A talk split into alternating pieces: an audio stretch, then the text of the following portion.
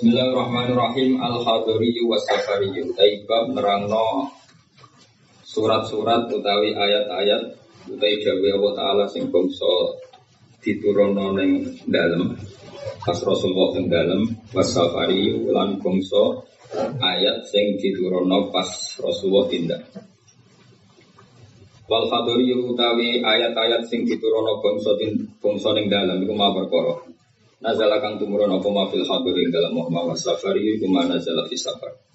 Iku ma perkara nazala kang turun apa ma fi safari dalam dunia. Wa amma safari wa anak pun tawi ayat-ayat utawi dawuh-dawuh wa ta'ala sing bangsa tindakan iku falahu amsilatun. Monggo tetap kedue safari amsilatun de pira-pira contoh. Minha itu setengah sangi amsila ayat tayamum itu ayat tayamum.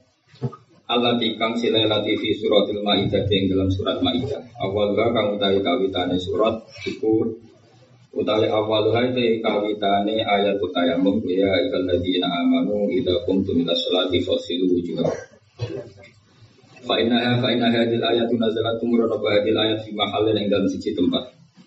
Bisa makan jenaran yang pemahal tidak diljesi kelawan tempat dadil jesi Waya tidak tuh jesi waro adil kulefati ono ing gurine kawasan di kulefa. Wakila bil beda.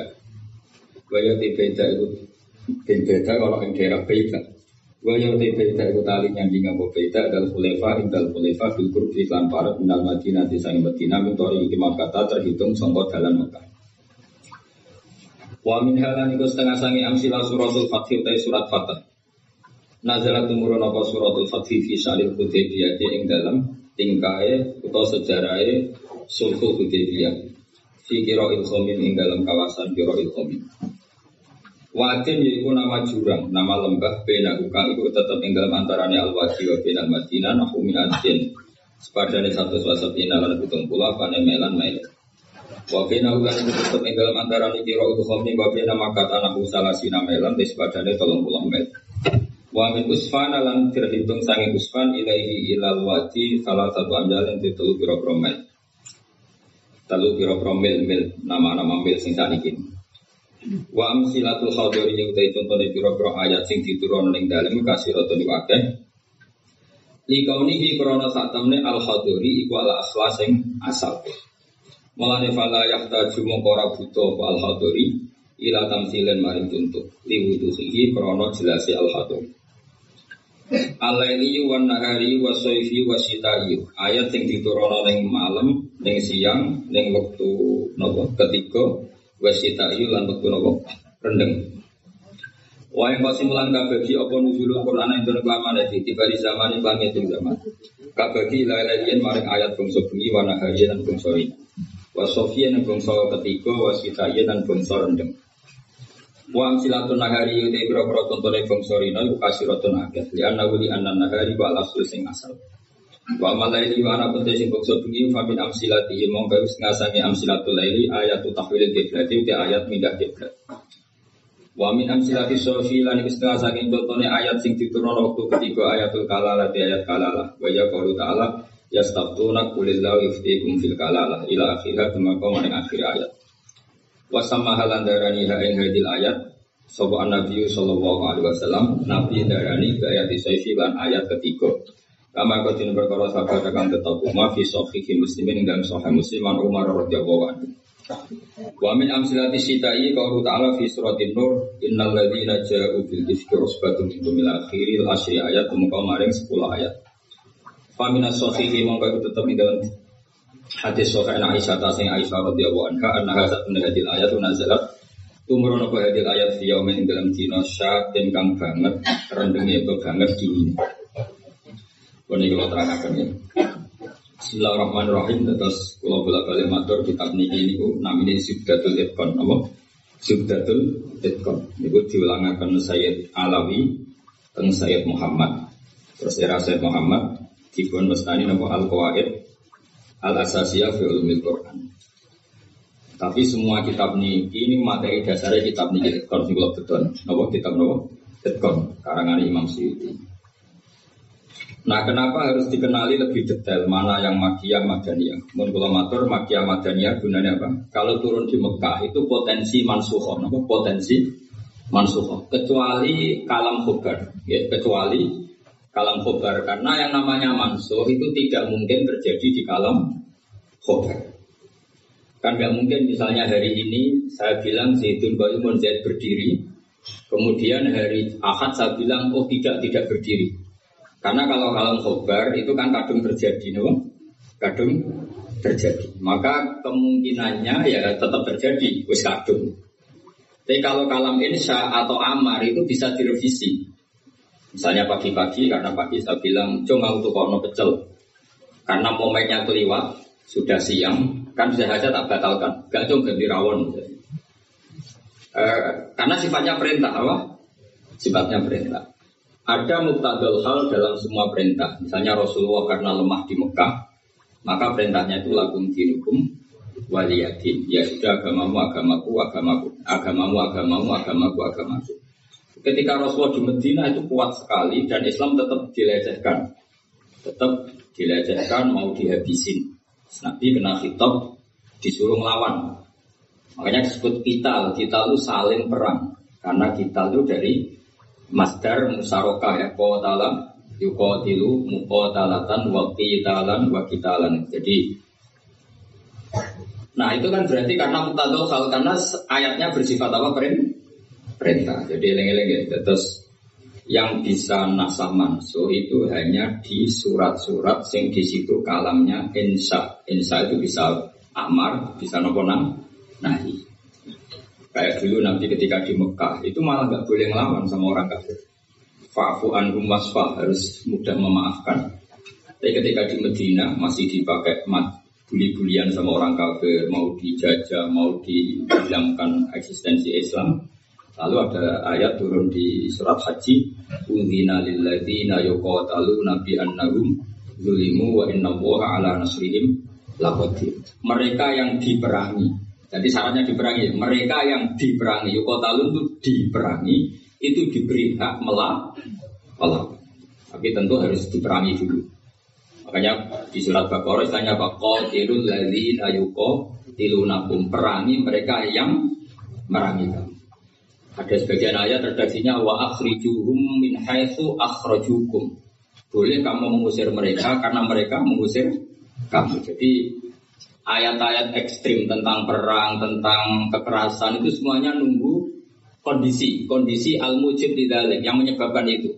Boleh perang kalau di perangi, boleh musir kalau di Jadi gue nyetak bucu yang tadi dicereweti, bojo, bojo ujuk-ujuk nyetak di ben wedi, mumpung belum diamuk. Sekarang mana kayak belanja, saya nyetak, ayo udah ngomong apa? Ayo sarap itu, pengalaman itu kudu obat no. Tapi nak kono wis ngamuk, lah gue oleh nyerang, tapi biasanya wis Jones. biasanya sudah setengah jam Sedap. Sak jam setruk. Tuh, kalau kata bangun kalau hujan gitu, di baju cerewet itu baru kamari suka. Tapi santri-santri yang di belakang bilang kamari suka, bang, mari setruk. Jadi karena ilmu tentang itu nggak cukup. Ilmu lama mana saja kalau analisis perempuan itu nggak cukup. Jadi pasti banyak khilafnya. Karena itu polanya perempuan itu nggak jelas, itu nggak bisa dianalisis. Jadi itu ilmu siapa saja bisa. Saya pernah diminta ngaji di Mbak Hamid itu gitu, acara hallnya Mbak Hamid. Tapi yang nggak nggak undangan, karena saya memang jarang mau undangan umum. Ini perlu dicatat, nasi pengen undang istibatal, cuma kecewa biasanya. Pokoknya saya itu hanya mau di pernah guru sama pernah sepuh. Itu saja sifatnya ada undangan. Saya datang terus karena saya datang terus ditunjuk disuruh ngaji, bukan undangan terus di dinner itu. Ya artis, keribetan itu. Ya kayak seperti ini aja ngaji, ya sudah ngaji. Perempuan itu satu-satunya makhluk pangeran yang tahu bantah kanjeng Nabi. Kalau bolak balik cerita, jadi ini Quran ada ayat surat jadi surat mujadilah. Tapi umumnya orang baca apa? Mujadalah. Sebetulnya itu secara nuzulul ayat lebih pas dia namakan mujadilatun apa? Karena mujadilatun itu isim fa'il pengganti fi'il mudore yang di ayat Qad sami Allah Kaulal lati tujadiluka. Jadi alati yang wong wedok tujadiluka bantah sopo lati. Nah pengganti fi'il mudore itu di itu isim fa'il. Karena zamannya sama. Fi'il mudore zamannya hal dan is iqbal. Itu penggantinya hanya isim fa'il. Jadi kalau rojulun yadribu bisa diganti ad-doribu. Paham ya? Rojulun yang suruh boleh diganti nasirun. Berarti kalau iya tadribu bisa diganti doribatun. Makanya kalau mana nih ya kode samia teman-teman midanget sopo Allah Allah. Kalau lati ing pengucapannya wong wedok. Silai lati itu jadi lu kang bantah sopo lati ka ing Muhammad. Fi zaujia ing dalam babakan suamine lati. Watas taki lan ngelaporno sopo wedok. Ngelaporno kan Nabi. Jadi Nabi seumur umurnya itu hanya dilaporkan oleh perempuan. Nabi loh. Orang mau kiai Nabi itu dilaporkan. Jadi ngomong wedok. Mana ada mau bojo edeng. Nabi itu dilapor. Jadi wedok. Nabi itu dilapor. Dilapor ilawahi maring. Terus sempat terjadi debat. Makanya terusannya ayat wawahu yasma'u tahawurakum. Wawahu ta'awahu yasma'u bermusapa Allah. Tahawurakuma ing perdebatan siroloro ya perdebatan Nabi kalian perempuan itu. Muhawarah itu kalau dalam bahasa Arab itu perdebatan. Jadi muhadasa muhawarah itu maknanya apa? Perdebatan. Makanya kalau orang latihan apa konversasi Inggris itu conversation Inggris itu disebut apa? Muhawarah apa muhawar muhawaratul lughat al inggrisiyah muhawaratul lughat al arabiyah itu debatnya itu wah luar biasa Sekamane Nabi kudu kalah yang muara kekasih pangeran musuh-musuh itu. Jadi khaulah itu wahyu. Kalau ceritanya kudu wahyu, kalau cerita gala, khaulah itu wahyu. Mbok barakat, barbiye, mulai itu pas sujud. Sing lanang wong Arab. Wong Arab gak mangan menduan, gak mangan tempe. Iso kok bayang. Wong Jawa ono bojone suci tenang ae mangane menduan. Ambek sego jagung. Dadi ra wong ayu ya biasa wae. Jadi ya wong Arab ku mangane daging. Terus neng hadis semua asbab nuzul redaksi ini fa'a jabat tu aji jadwa. Nah, bermakna ini fa'a jabat mau gak bawa nunggu ing rojul jenis Aus bin Somit. Apa aji jadwa? Bermakna ini dia berwajib. Pokoknya pas sujud itu juga bawa nunggu aji jadwa. Itu corak, ini corak nih. Ini murid kecelakaan. Jadi makna sing bener ra iso, nak makna ngono iso. Jadi uteke wis elek. Akhirnya jaluk, sing lanang jaluk. Karena sing itu lagi sujud, lagi nikmati pangeran. Ora gelem terus ngamuk sing lanang. Wong lanang berjaluk ra kayak ibu ya ngamuk iku sekunane kuno. Dan sing mangan menduan ngamuke rapati tenang karena ya tadi sahabatnya mesti rapati tenang. Terus akhirnya ngamuk terus wong Arab ku ngamuk tertinggi ku muni anti aliyah kadori umi kue berstatus kayak ibu. Ini makanya pentingnya ngaji tradisi. Berstatus kayak ibu itu di orang Arab itu adalah dan dan itu satu apa satu kesalahan yang harus dikritik. Tapi kalau orang Jawa kan enggak. Makanya kalau saya ditanya, fikih Jawa sama fikih Arab itu beda. Wong Jawa namuni dek kue koyo ibu, itu maknanya sama-sama ngerawat saya. Makanya saya berpendapat tidak mesti secara fikih dihukumi tihar karena perasaan mengatakan kaya itu beda dengan orang Arab. Kalau orang Arab bilang kamu sudah kayak ibu, maknanya selawas-selawas haram tak keloni, haram tak jima, haram tak kumpuli. Ini ini perbedaan apa? kultur Arab Jawa. Maka fakih itu kalau yang sifatnya sosial atau kultural itu memang nggak bisa sama. Itu kan ibarat begini. Orang Jawa itu kalau dicekel jenggote itu kira-kira mamuk kira-kira. Tapi kalau orang Arab itu mata. Jadi jajal juga ketika kali cekol. Wah, gak murid radue. Sebenarnya Arab lucu. Jadi kode jenggot ini cekol-cekolan loh. Kebayang gak tolong Jawa? Wong Arab nak seneng wong. Usirai cek diwambung bebenan. Nanti kalau dulu orang. Gak pernah nanti kalian bangun di Medina. Karena bangun orang alim alama dan beliau Muhammad sepuh. Ada orang Arab Sopo nang kalian ya, yuk kita terus dibuang bumi. Saya Jawa gak siap. Enak ya, semua teh. Jawa kelcek terus. Iya di sebenarnya. Wes suruh wae bangsa Arab. Sadate ngono. Cara wong Jawa kan repot. Cara wong itu penghul. Sehingga saking mangkelnya si lelaki tadi bilang anti alia kadzuri umi kamu sudah berposisi kayak ibu eh fi hurmatil jima wa fi hurmatil mulamasa wa fi hurmati kata wa kata sama-sama haram dikum dikum setelah itu betul ya waduh bojo ayu ini kok tak dihardiar itu sama dengan tolak bain Hmm. Sing itu ya getun, sing lanang ya getun. Jika cerita lapor dengan Nabi. Sing lanang tok Kata Rasulullah. Dan ini menunjukkan betapa perhatiannya Allah pada ketentuan hukum. Kata Rasulullah, hingga detik ini belum ada wahyu, maka ketentuan dihar sama dengan ketentuan yang ada di zaman jahiliyah, yaitu biman silatit tolak berstatus kayak apa? Tolak. Ya sudah, jadi wong lanang kan nurut. Pulang kata Rasulullah zihar itu kayak tolak. Ya sudah kita nggak boleh kumpul. Nerima sing lanang nerima. Sing itu gak terima. Enggak aku motor nabi waran ya waran ya Rasulullah apa betul engkau menghukumi zihar kayak tolak ya sampai sekarang begitu. Belum ada ketentuan dari Allah. Wah ini tidak bisa. Tidak bisa. Itu hukum yang nggak benar. Tidak bisa. Kenapa dari nabi? Ngomongnya jorok. Jadi ngomong itu mulai di sini jorok. Nabi Jangan roh bojo kula. Ya ngerti jadi Nabi. Ya ngerti. Akala sababi wa afna umri. Wa nasartu lahu bandi. Terus. So, terus anaknya hatta ida akala sababi terus bapak terus ngomong terus. Enak wae saat ini hukumi tolak. Kulo riyen wayu kinyis-kinyis, saat ini rapati ayu. Mergo tuwa. Anak kulo kata, Cara hukum tolak zaman kulo ayu ora masalah dibegat kulo boleh bojo jek gampang. Tapi aku saiki wis tuwa. Meskipun isih ayu tapi meskipun ayu. Jangan ngertos wong lanang.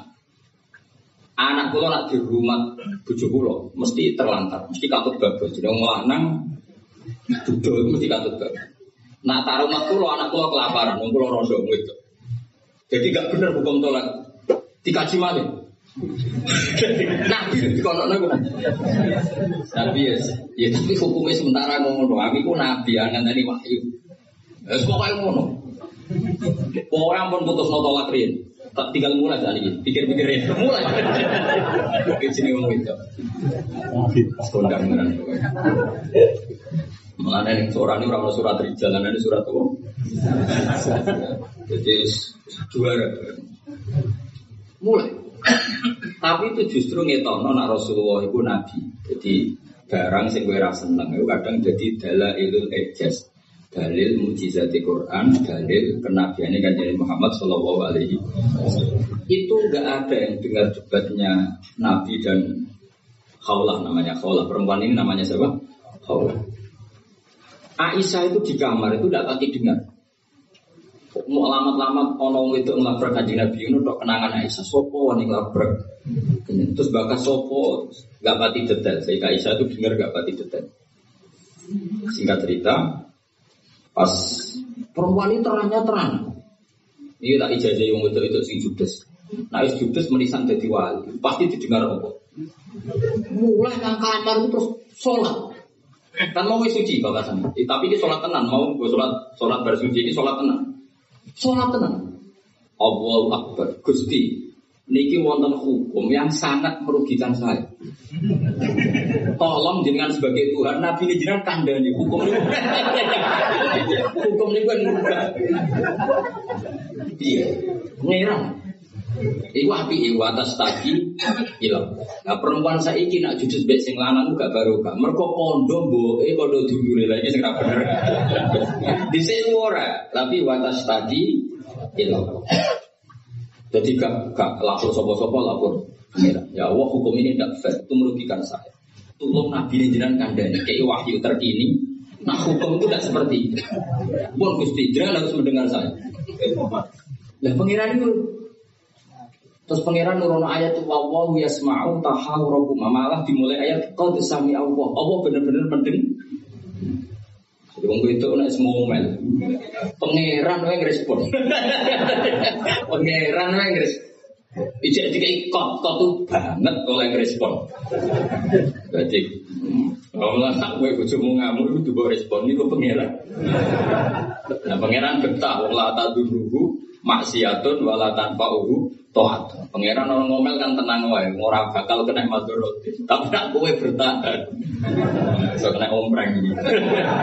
Jadi kira usah niru pangeran karena ya itu kelas no.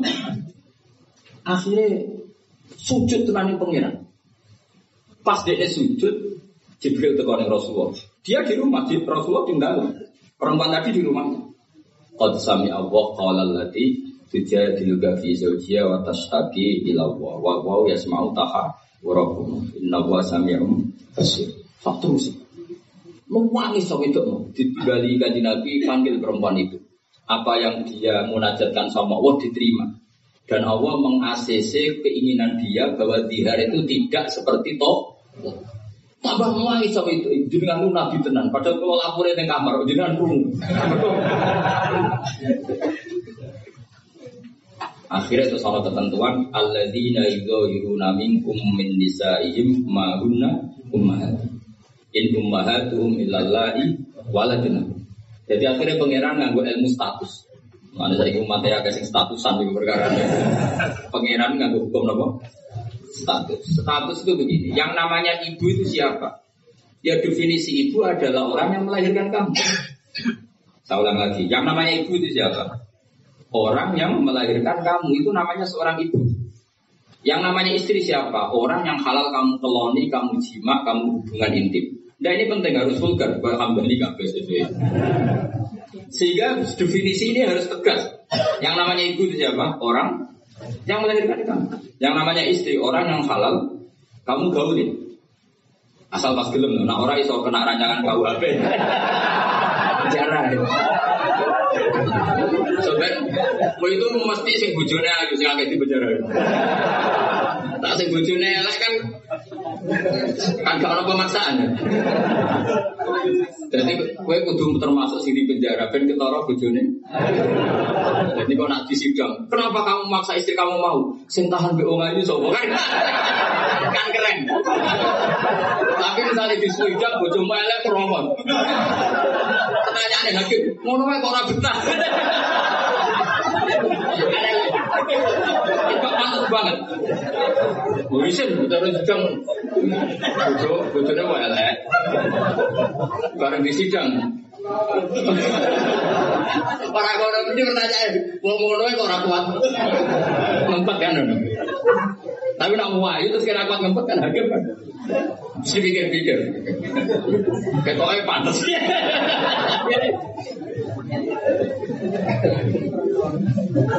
Tapi tak ulang lagi ya, ini oke ya. Yang namanya apa? Ibu itu in ummahatum illallahi waladina. Melalui aksi Quran sing tahqiq.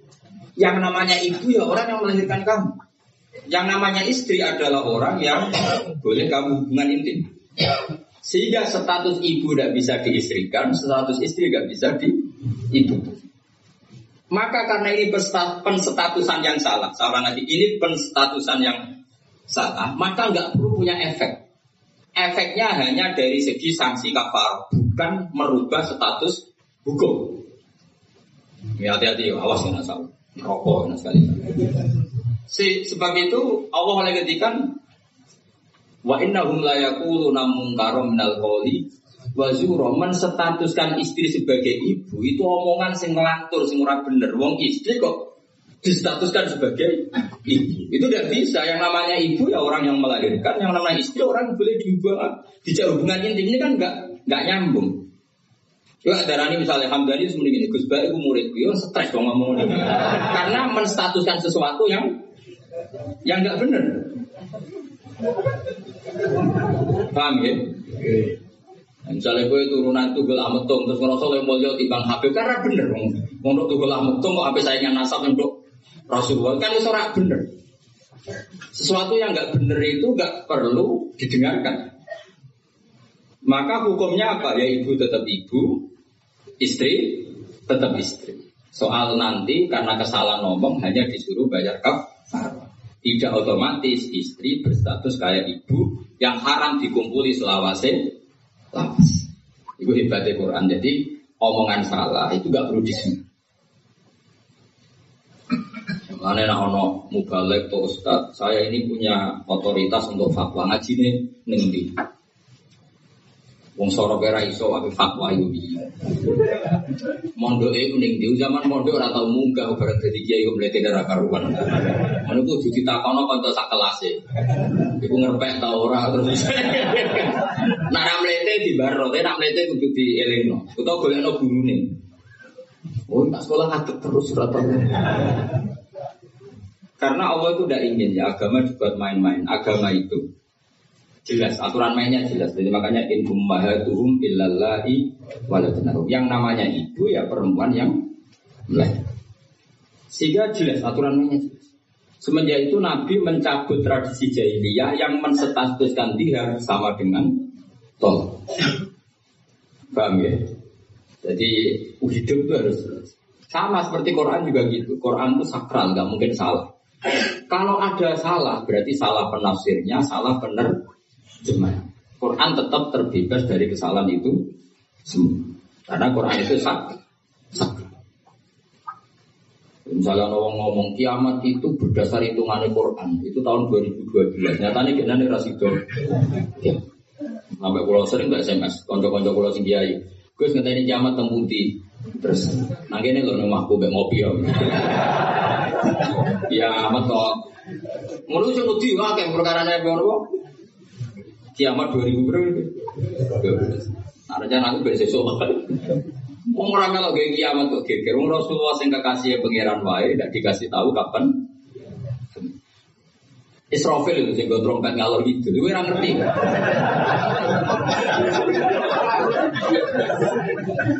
Padahal dia es kepengen nang kiamat dan tugasnya selesai. Ibu era. Nah, artinya begini. Barokahnya para mufassir, para peneliti Quran itu gak mungkin tafsir yang diutarakan ulama itu gak detail itu gak mungkin karena ya ini perbandingannya Sayyid Muhammad sampai Sayyid Alawi, Sayyid Abbas sampai Sayyid Zaini Tahlan sampai Sayyid Khotib Minangkabau, saya semuanya itu detail sampai iki Quran iki turun pas Nabi tenggelam, iki Nabi pasti darat. Iki Quran turun pas dalu, iki Quran turun pas Vino. Dengan tradisi sedetail itu kan nggak mungkin salah dalam emak. Nah, orang kaya kowe, ini Quran ono kok ayat piro, mbok lali pokoke ono. Lha ngono kok dadi mufasir iki. Juga ada bantah-bantahan Fasul Masai. Pokoknya ono kitab Lah yo kitab apa? Jenenge lho lali. Kok halamane jenenge wae. Pada ulama dhisik, ayat ini turun pas Nabi tindak, turunnya pas bengi, pas musim dingin, pas musim panas. Dengan pengetahuan sedetail itu, kemungkinan salah itu kecil. Jadi tidak dibakas. Al khadori wasafar. Dia taruh kan, guna apa dibakas nih ngomah be. Wes rapakat ngalim, tekil saya lah. Sajane kan iso ditebak, misalnya ini, kue tukaran be bojo ke apa? setengah tahun songkok kawin ini salamat umur-umur bulan madu kok wis tukaran tapi nak wis sering tukaran bojo sering cok kira bar 10 tahun normal ya Siap marah 10 tahun wis bosen. Jadi banyak wis wae berontak.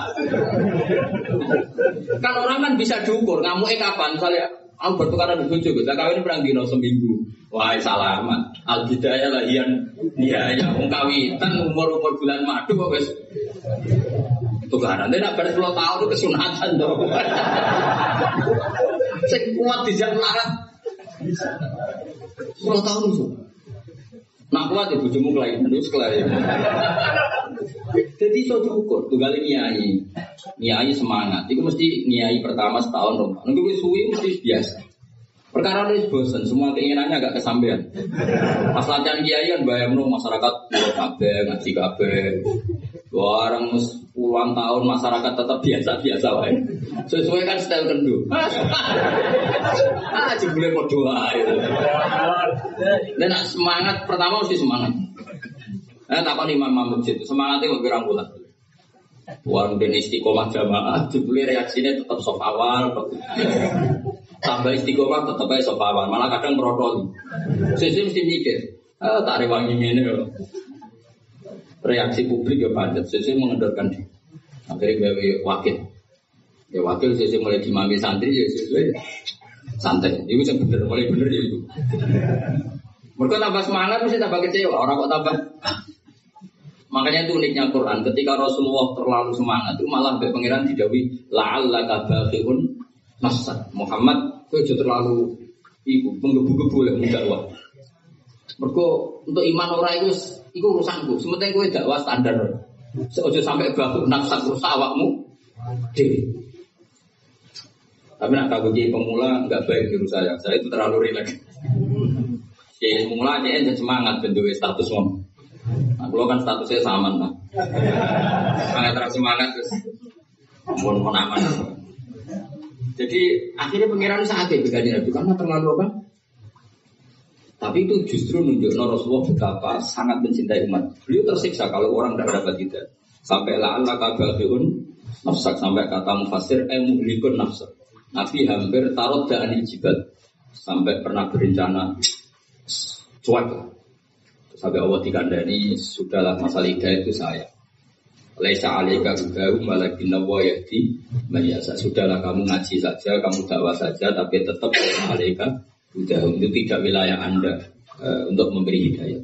Nah terus kalau nanti ngaji-ngaji wae. Ada yang ini Aku kan ngaji udah marah Terus tak ulang alim kabeh Demen setruk kan nanti ya Oh mesti kecewa.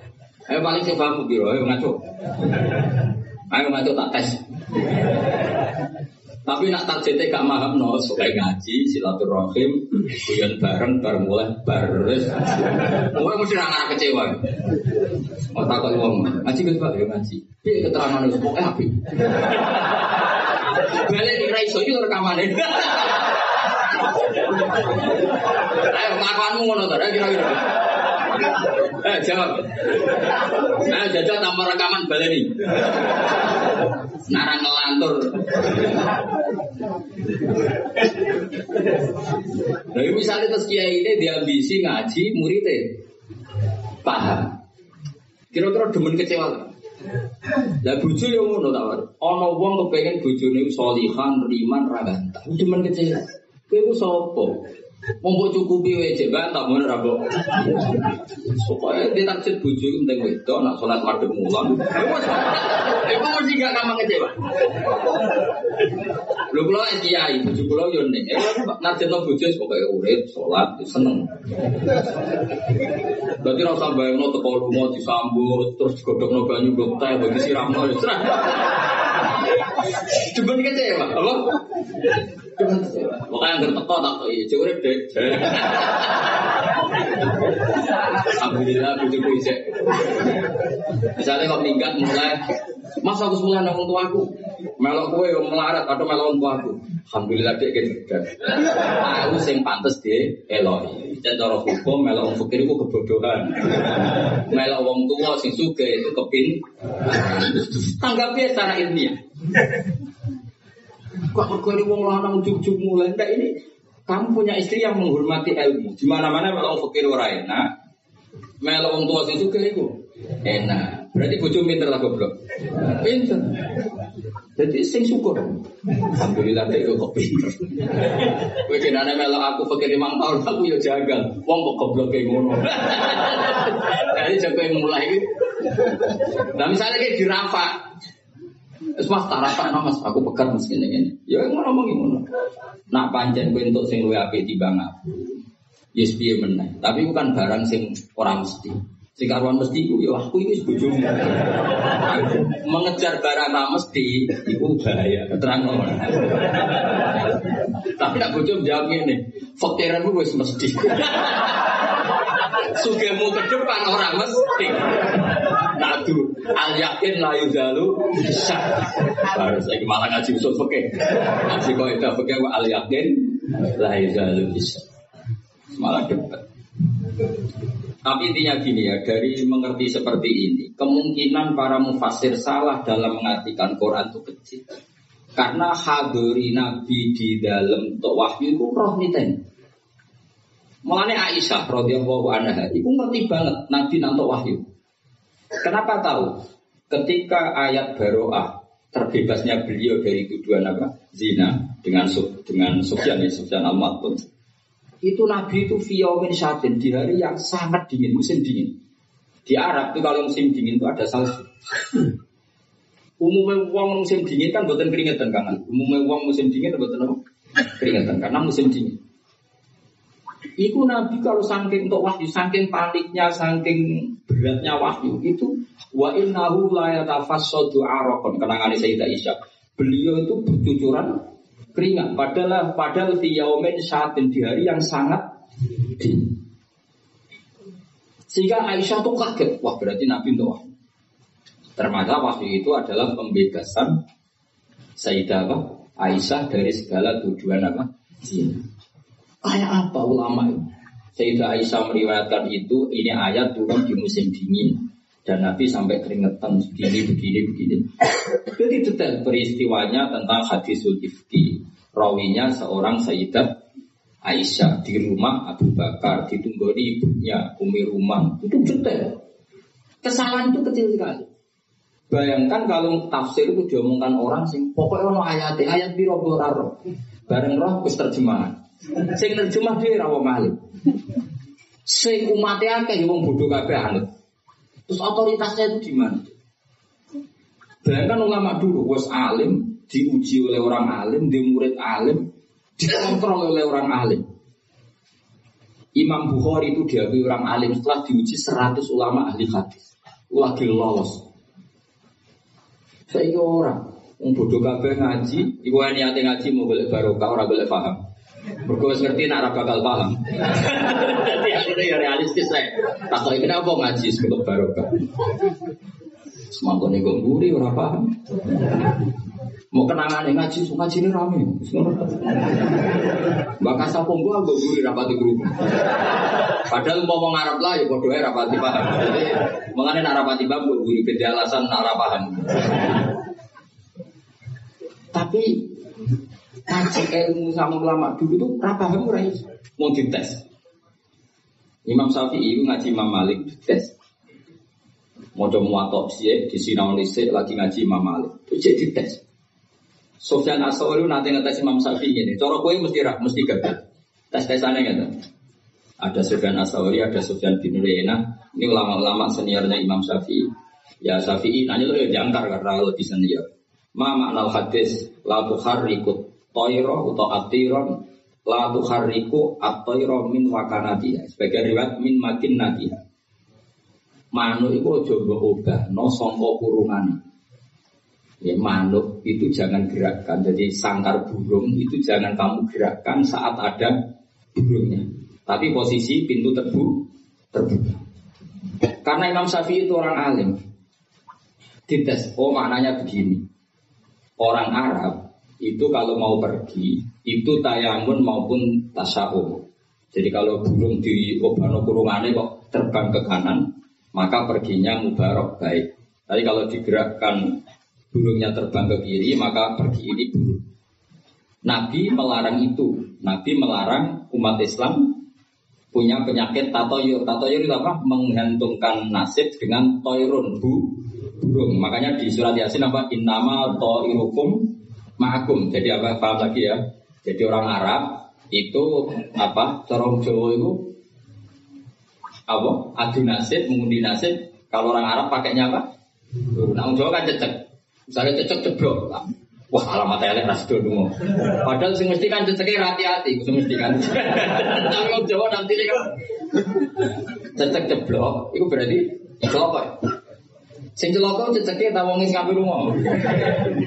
Tapi orang Jawa ora ya. Ngapi lunga ana cecek keblok gak gitu dari alamat apes. Padahal tetep tiba sing mesti kan siji gak hati-hati. Nomor loro wae dene latihan jemping. Ane latihan uji uji nyali. Nah itu Imam Syafi'i itu paham betul. Uh, adatul Arab itu kalau mau pergi itu menggerakkan sangkar burung yang ada burungnya. Kemudian kalau terbang kanan alamat baik, kalau kiri alamat buruk. Nah, Rasulullah itu melarang itu. Makanya tersendikan la ikut min makin nadi. Akhirnya terus kata Sufyan bin Uyainah, ya Abu Abdullah, Kot analaka antuftia, kamu sekarang berhak fatwa karena sudah alim. Terus kita kok kue, Ojo geman ya manuk bawa bawa Kurang pegawai atas putih. Karena otaknya serasa sambung. Nah ya cung ojo geman manuk di kurungan bawa bawa No, mesti jawab sampean. Lah kurang pegawai tapi kok mana wong. Tapi Imam Syafi'i tahu betul maknanya adalah apa? Rasulullah tidak ingin orang menggantungkan nasib dengan pergerakan dan itu adatnya orang Arab makanya inna atau yarna jadi tatoyur itu maknanya apa? Menggantungkan nasib dengan melihat arah terbangnya apa? Burung. Makanya diarani toir. Toir itu dari kata toirun. Apa? Burung yang ter terbang. Jadi kalau sampai tanya, kenapa ini dipelajari? Khadori, Safari, Laili, Nahari, Seifi, Sitai. Dengan otoritas seperti itu, maka kemungkinan ulama salah itu kecil. Karena det. Jadi misalnya gini, uh, Rasulullah itu suka dahar daging. Ya sudah, kita tafsirkan hanya ada momen di mana Rasulullah itu suka dahar daging. Rasulullah itu sering lapar, ya maksudnya ada momen yang Nabi itu milik lapar. Rasulullah itu suka dahar, ya ada momen yang Nabi itu suka dahar. Tanpa itu nanti makna hadis itu kacau semua. Apa? Kacau semua. Karena mana hadis itu otoritasnya itu terserah kita. Maksudnya terserah kita gimana? Misalnya begini, awas rumah awas sekali sekali salah setengah kafir. Pasti kafir swasta, bukan kafir tengah. Nggak coba misalnya begini, enggak ini saya bedai. Wes akan alillah, alhamdulillah. Ittaku woha, kena mana nih? Coba, enggak jawab saja. Ittaku wadiyo siro kabeh. Takutlah sama Allah. Dengan cara apa coba? Wah, aku be Allah wedi itu melayu menghindari Allah.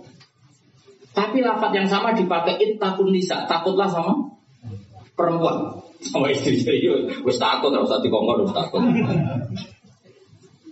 Ada lagi misalnya nyon sewu itakul hayah, kamu takutlah ular. Itakul fakro, takutlah sama kefikiran. Sama-sama kalimatnya takut, tapi tetap proporsional sesuai makna yang terkait. Ittaqullaha ebitoat takwa Allah dengan melakukan tobat. Justru takwa kepada Allah itu kita harus menuju Allah. Ya saya ulang lagi ya. Takwa kepada Allah itu justru harus menuju Allah. Sehingga moga-moga ini takut takut takut ini buat ini ini sapi. Ini saudara tuh. Ya saya ulang lagi ya. Lafat itu akan proporsional sesuai konteksnya. Dan ini para pendengar harus tahu. Misalnya saya ulang lagi ya.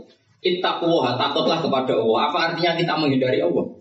Kalau kamu takut ular, takut perempuan cantik, kena fitnahnya harus harus menghindar. Kalau takut Allah, kalau menghindar kan malah salah. Makanya di Quran ada ayat di mana? Wa dzannu allamal ja'aminallahi illa ilaih. Ada tiga sahabat yang melakukan kesalahan, yaitu takhalluf adil jihad. Beliau terlambat mengikuti perang Tabuk.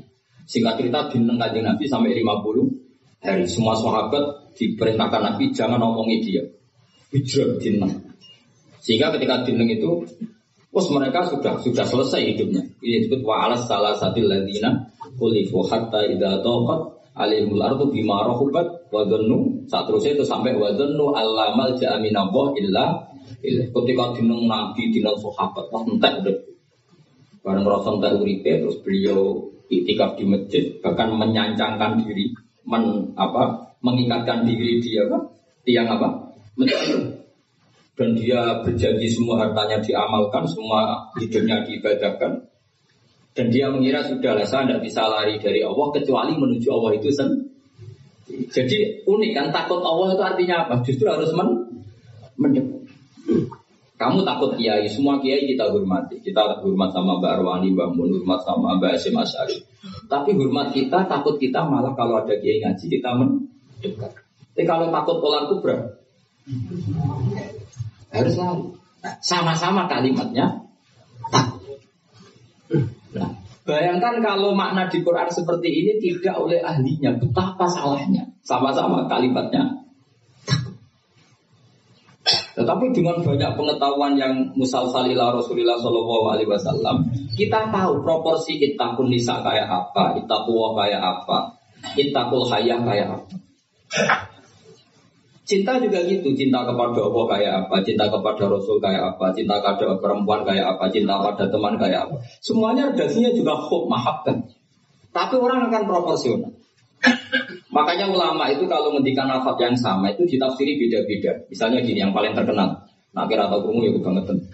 Inna waha wa malaikatahu Yusalluna ala nabi Wa sholat minallah ar-rahmah Wa minal malaikah istighfar Wa minal adami tadurru'un wa du'a'un Coba Allah itu kan di atas Rasulullah Muhammad Apa pun hebatnya kanjeng Nabi kan di bawah Allah Berarti Allah di atas kanjeng Maka ketika ada ayat ini Inna woha saat Allah Ta'ala yusolli misalnya Moco solawat sopo Allah mau cari solawat Allah ini gini, Allahumma sholli ala Muhammad. Oh, Allah juga kok muni Allahumma terus piye kan gitu.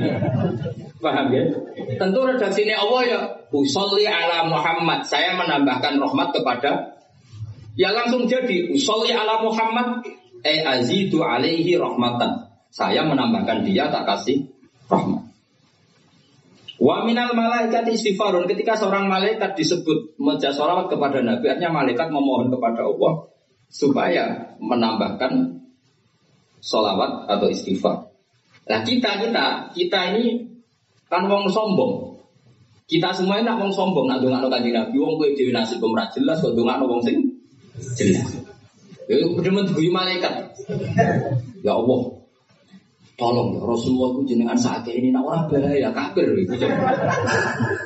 Maka ketika kita baca sholawat kepada Nabi itu bentuk tadarruk kita, bentuk DPDP kita. Ya Allah, jasanya Nabi yang begitu banyak, saya tidak mungkin membalasnya. Sehingga urusan balas membalas budinya saya pasrahkan jeneng jenengan. Sehingga solawat dari kita itu pengganti doa jazawallahu anna Muhammadan bima huwa ahlu. Balaslah ya Allah Rasulullah Muhammad dengan status yang beliau miliki.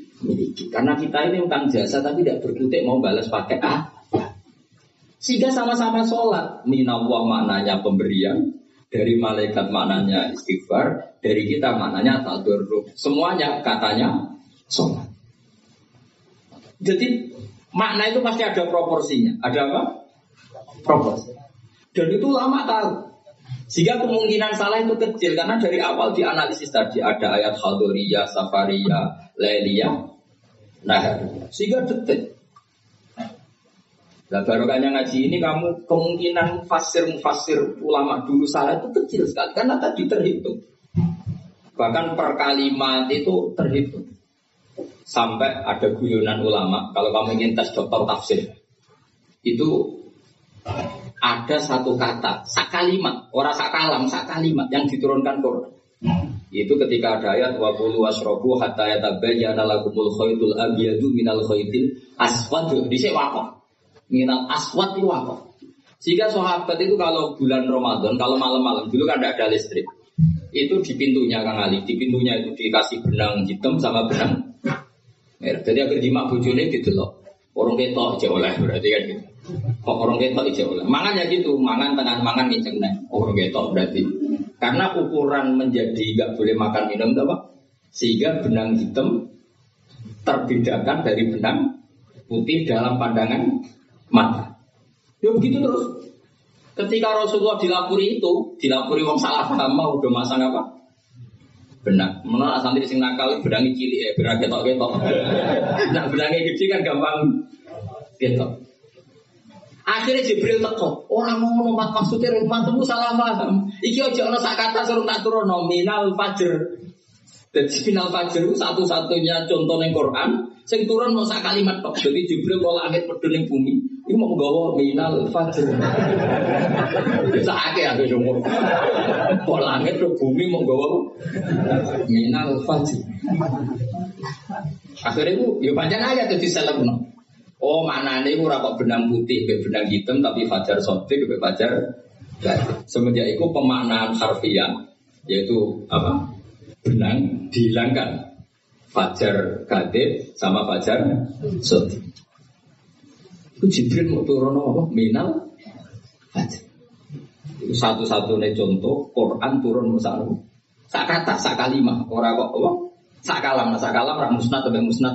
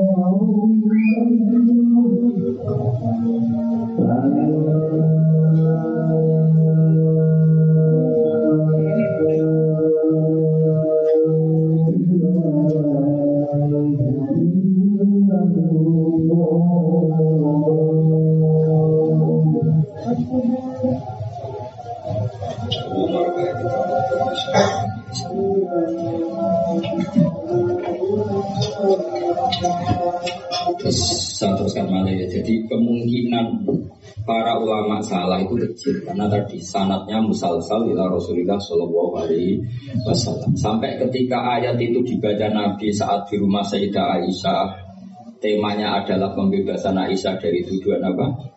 Zina. Terus peristiwanya sama siapa? Tujuannya siapa? Yang menuduh siapa itu detail sekali. Yang menuduh adalah orang-orang munafik. Terus Sayyidah Aisyah tersiksa karena omongannya si A, si B. Ini detail sekali. Nah, barokahnya detail itu kemungkinan salah itu kan kecil. Andai kan itu tidak detail, maka orang akan menafsirkan ayat dengan makna am, dengan lafaz am, dan itu bahaya. Misalnya lafaz am gini, innal insana lafi khusir, semua manusia pasti getun. Masa Rasulullah masuk lafaz innal insana, masa para nabi, para wali masuk innal tapi kalau kamu tahu bahasa kan alil ahdi, al itu untuk makna takrif. Orang tertentu yang kelakuannya tertentu itu lafi khusri. Sehingga proporsional. Apa propor? Makanya ketika ada ayat misalnya gini, wa anli fadl tukum alal alamin. Bani Israel di Dewi Pengiran, saya memuliakan kamu di atas seluruh penduduk dunia. Semua mufasir mengatakan, karena umatnya Rasulullah adalah umat terbaik, untung khairahum matin. Tapi kenapa Bani Israel di fitopi wa anni tukum? Oh begini, eh ala alami zamanihim apa? Ala alami zamanihim. Bani Israel adalah penduduk terbaik di eranya atau di masanya. Kenapa begitu? Karena ada al. Apa? Ada seperti begini. Mbak Arwani itu yang terbaik di eranya. Tentu beliau kan nggak akan merasa lebih baik ketimbang Mbak Munawir karena guru gurunya. Bangun terbaik di eranya tentu dibanding kita-kita. Kalau dibanding Mbak Zubair, sama saya tahu dua al-haddad terbaik. Tapi kan nggak mungkin beliau kerja dibandingkan sama Fakih Muqaddam, sama Habib Ahmad bin Isa al Muhajir. Semua ini orang-orang terbaik tentu kita tafsiri di eranya. Karena mesti beliau-beliau punya seni senior. Paham ya jelas ya? Sama lah. Ketika wa anti fadl tukum alal alamin, Bani Israel di dikitopi gitu, eh alami zaman ini bahwa Bani Israel lebih utama hanya dibanding apa orang di eranya. Tidak mungkin mengalahkan umat Rasulullah Shallallahu Alaihi Wasallam karena umatnya Nabi kena status kuntum khairah umat. Ya jelas ya. Jadi, nah siapa yang tahu proporsional ini? Lagi-lagi ulang. Jadi ini penting, ulama ini penting. Sama ketika Rasulullah itu nyuwun sewu ya mau berteman orang-orang kafir. Itu ulama yang tahu bertemannya apa? Karena Rasulullah tidak punya hadun nafsi, bertemannya adalah takmi andil Islam supaya menyenangkan mereka masuk Islam. Tolak di imanihim wa toma'an di imanihim. Tapi nak sing akrab sampean, oh paling untuk servis. Gak butuh islami, butuh duit. Kan nanti terserah. Sama-sama dohir itu mau berteman, tapi kan beda orang soleh sama ada Aku bolak balik contohnya gampang kasus itu. Ono wong soleh ngekei duit rondo ayu. Yus pikirannya nulung. Tapi nak wong dolim ngekei duit, mesti pesen gue pesen apa Jadi sama perilakunya sama-sama memberi. Tapi orang soleh sama orang fasik selalu beda. Makanya Allah nak ngendikan itu sederhana dan ini sangat sederhana tapi sangat dalam. Kul hal yastabil ladina ya'lamuna wal ladina la ya alam. Apa mangka namu minang kamangka nafasiko. Sama. Lu coba kiai sama orang fasik yo ramah yo lomo. Enak menowo belum jadi ape. Antar wong fasik yo sayang yo lomo. Ben kena jadi anak buah ben gelem ya daro narkoba. Lomane bodoh pemberiannya sama. Sing kiai memberi ben orang ini jadi baik. Sing badan narkoba memberi ben gelem jadi anak buah. Memberinya sama. Perhatiannya yang beda apa? Niatnya karena tidak akan sama apa mangka namu minang kamangka na fasiko. Lah saya ingin Quran itu dibaca seperti ini sehingga kualitas maknanya terjaga. Karena bahwa coba ya gue terus diterjemah apakah orang mukmin sama dengan orang fasik? Jawab tidak. Itu bangunnya ujian masuk madrasah aliyah. Bocah orang karu-karuan gitu. Jadi sing detail ya ngaji Quran sing detail. Apa mangka namu minang, kamang kana Makanya Rasulullah nanti ngendikan dan hadis ini saya pegang betul. Jangan geman salah paham sama orang soleh yang alim karena motifnya pasti kebenar meskipun diri salah. Terus Nabi cerita karena habrun ahbari bani Israel dulu itu ada orang alim dari bani Israel. Itu orang soleh sekali alim sekali. Tapi ketika beliau sodako itu dikasihkan sama maling. Fatahat dasar nas orang geger orang alim sodako be maling kemarin Kang Ali sambil radikai malah maling kontroversi belum selesai hari kedua jika ada lonte jika ada nakal buat mana ini orang alim kok malah ngamal nih lonte. Buat geger belum selesai hari ketiga jika ada suka jadi tiga hari itu keliru terus tapi beliau orang alim, orang ini dipuji Nabi. Kata beliau begini, wong nganti dadi londe, wa kepen golek duit. Jadi ini tak kayak hidup, wak jadi londe golek duit, kita kayak tapi rasa jadi londe. Fala Allah antas ta'ifa, saya memberi itu supaya dia nggak jadi nakal. Bisa nggak ngambil fase sih kayak duit. Ayo gitu tar. Terus, ya pesan Terus Copet itu dikasih, ditanya. Kenapa kamu ngasih copet? Lah ya copet nganti nyopet itu boleh. Duit cung serausan nyopet ya dino iki tak kei. Biasanya sedino untuk kira tuh misal. Ya mangatus sewu ya kayak mangatus sewu rasa nyopet. Artinya apa? Sama-sama bentuknya itu ngasih, tapi motivasinya B. Sing paling sini terakhir, wong suka tiga. Wong suka ya bingung, bah ya kalau suka kok kayak duit, lah nanti gue medit, itu rasa saking senengnya duit tak tambahin. Akhirnya jadi suka. Makanya masyur itu. Jadi artinya gini loh, wong alim ora iso dipadat wong.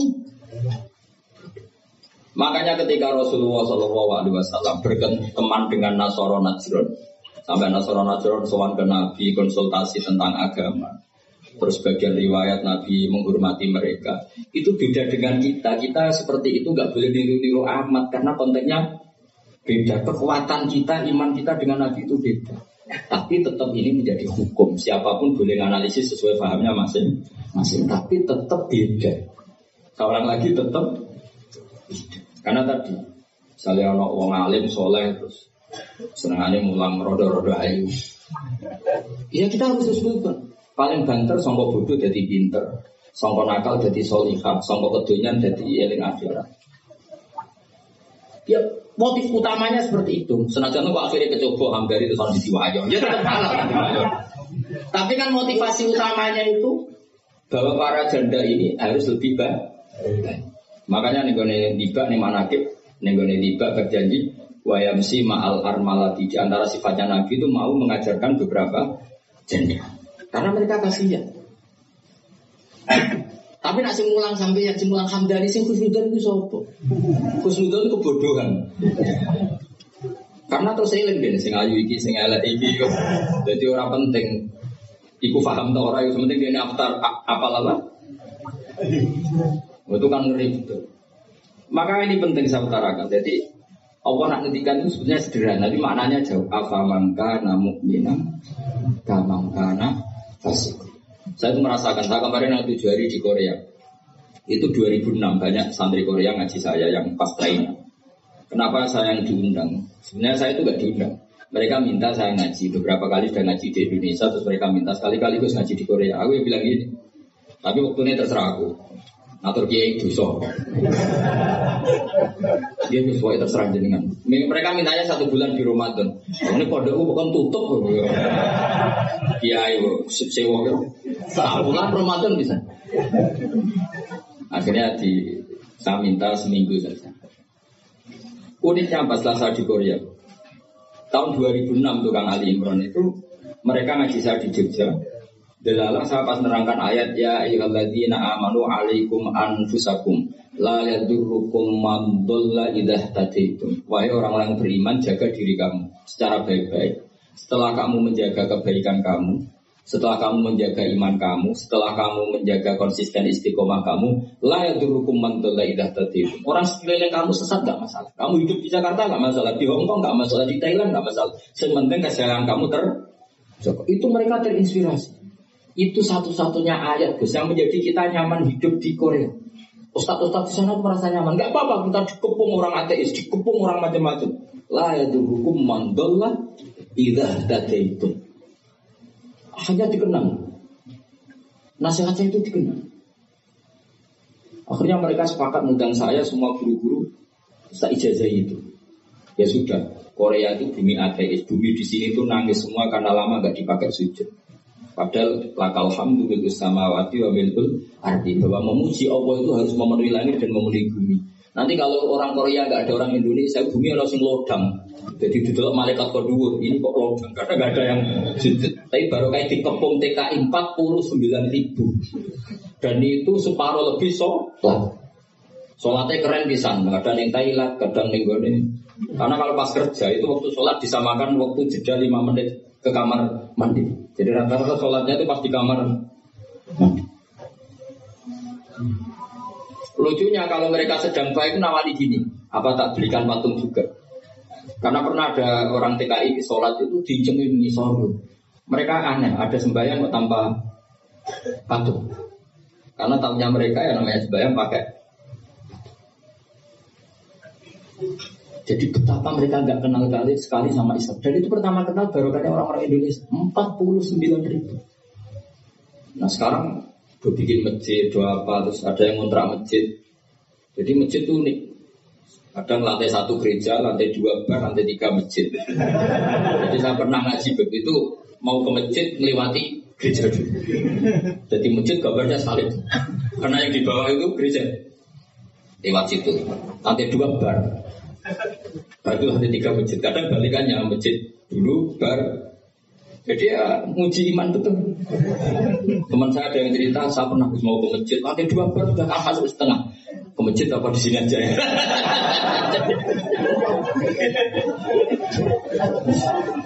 Tapi ya tadi, makanya kita semua tuh syukur betul umatnya Rasulullah Shallallahu Alaihi Wasallam itu dikawal Quran ila yaumil ya. Jadi yang dikawal Quran bukan orang kudus saja, bukan orang yang daerahnya mayoritas Muslim saja.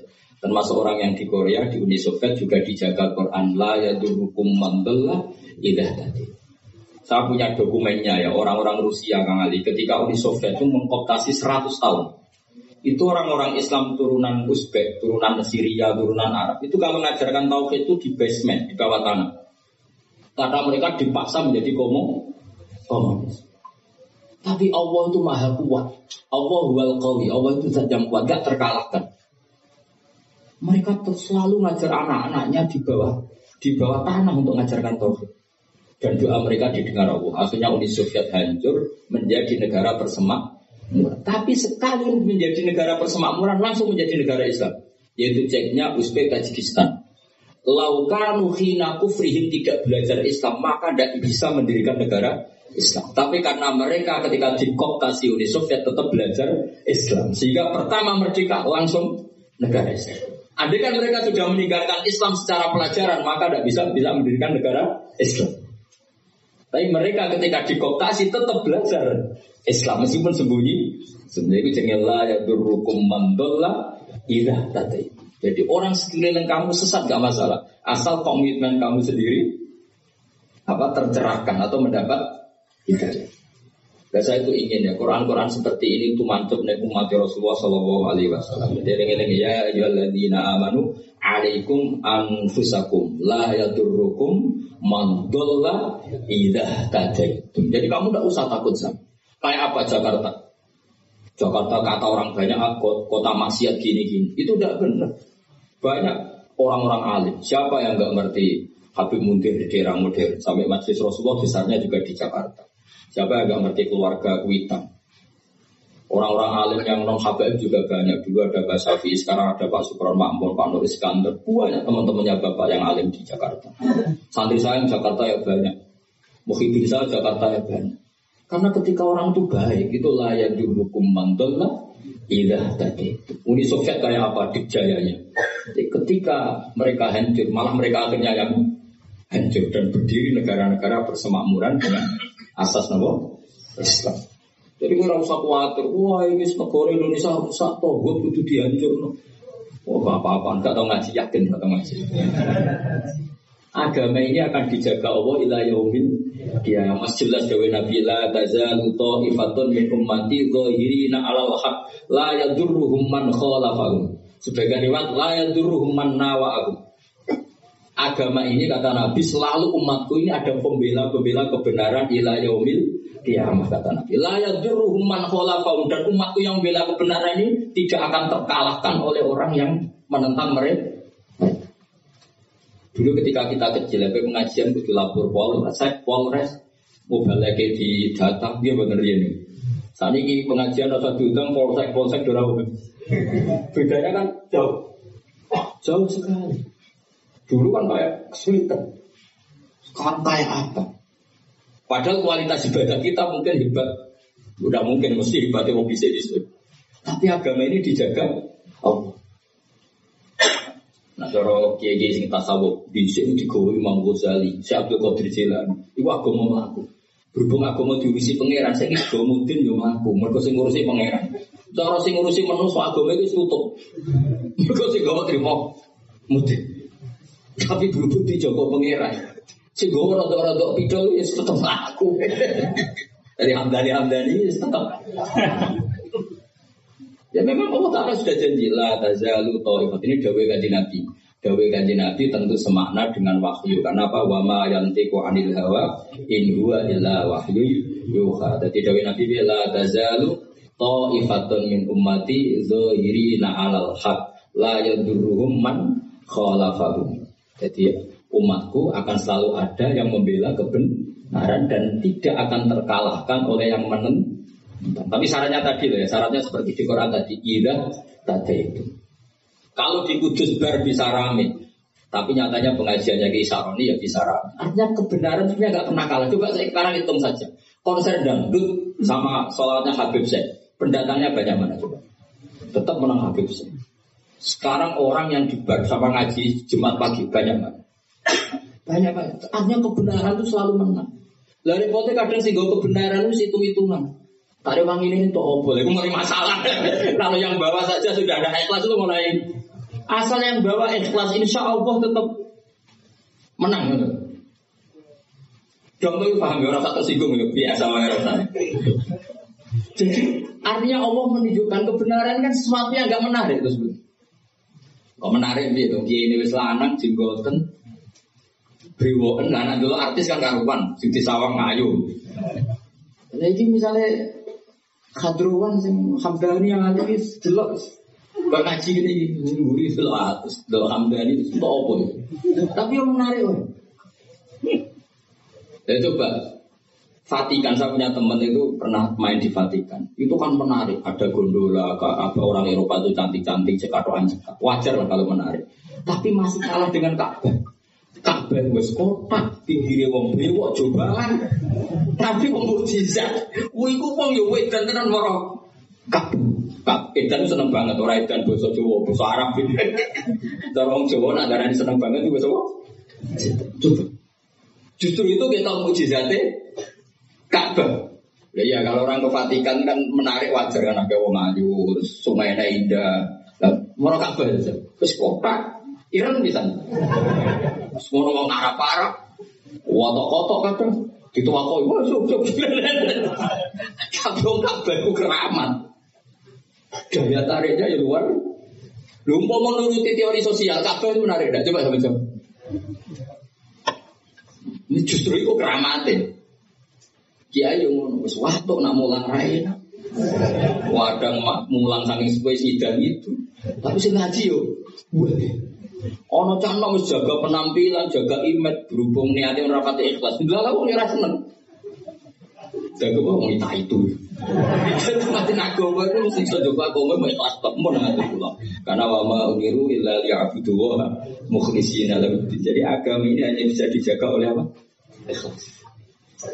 Dilatih, cara ikhlas beda. Aku dilatih oh tapi sebentar itu Cuma latihan gue suwe, jadi kemungkinan kemungkinan gue sukses.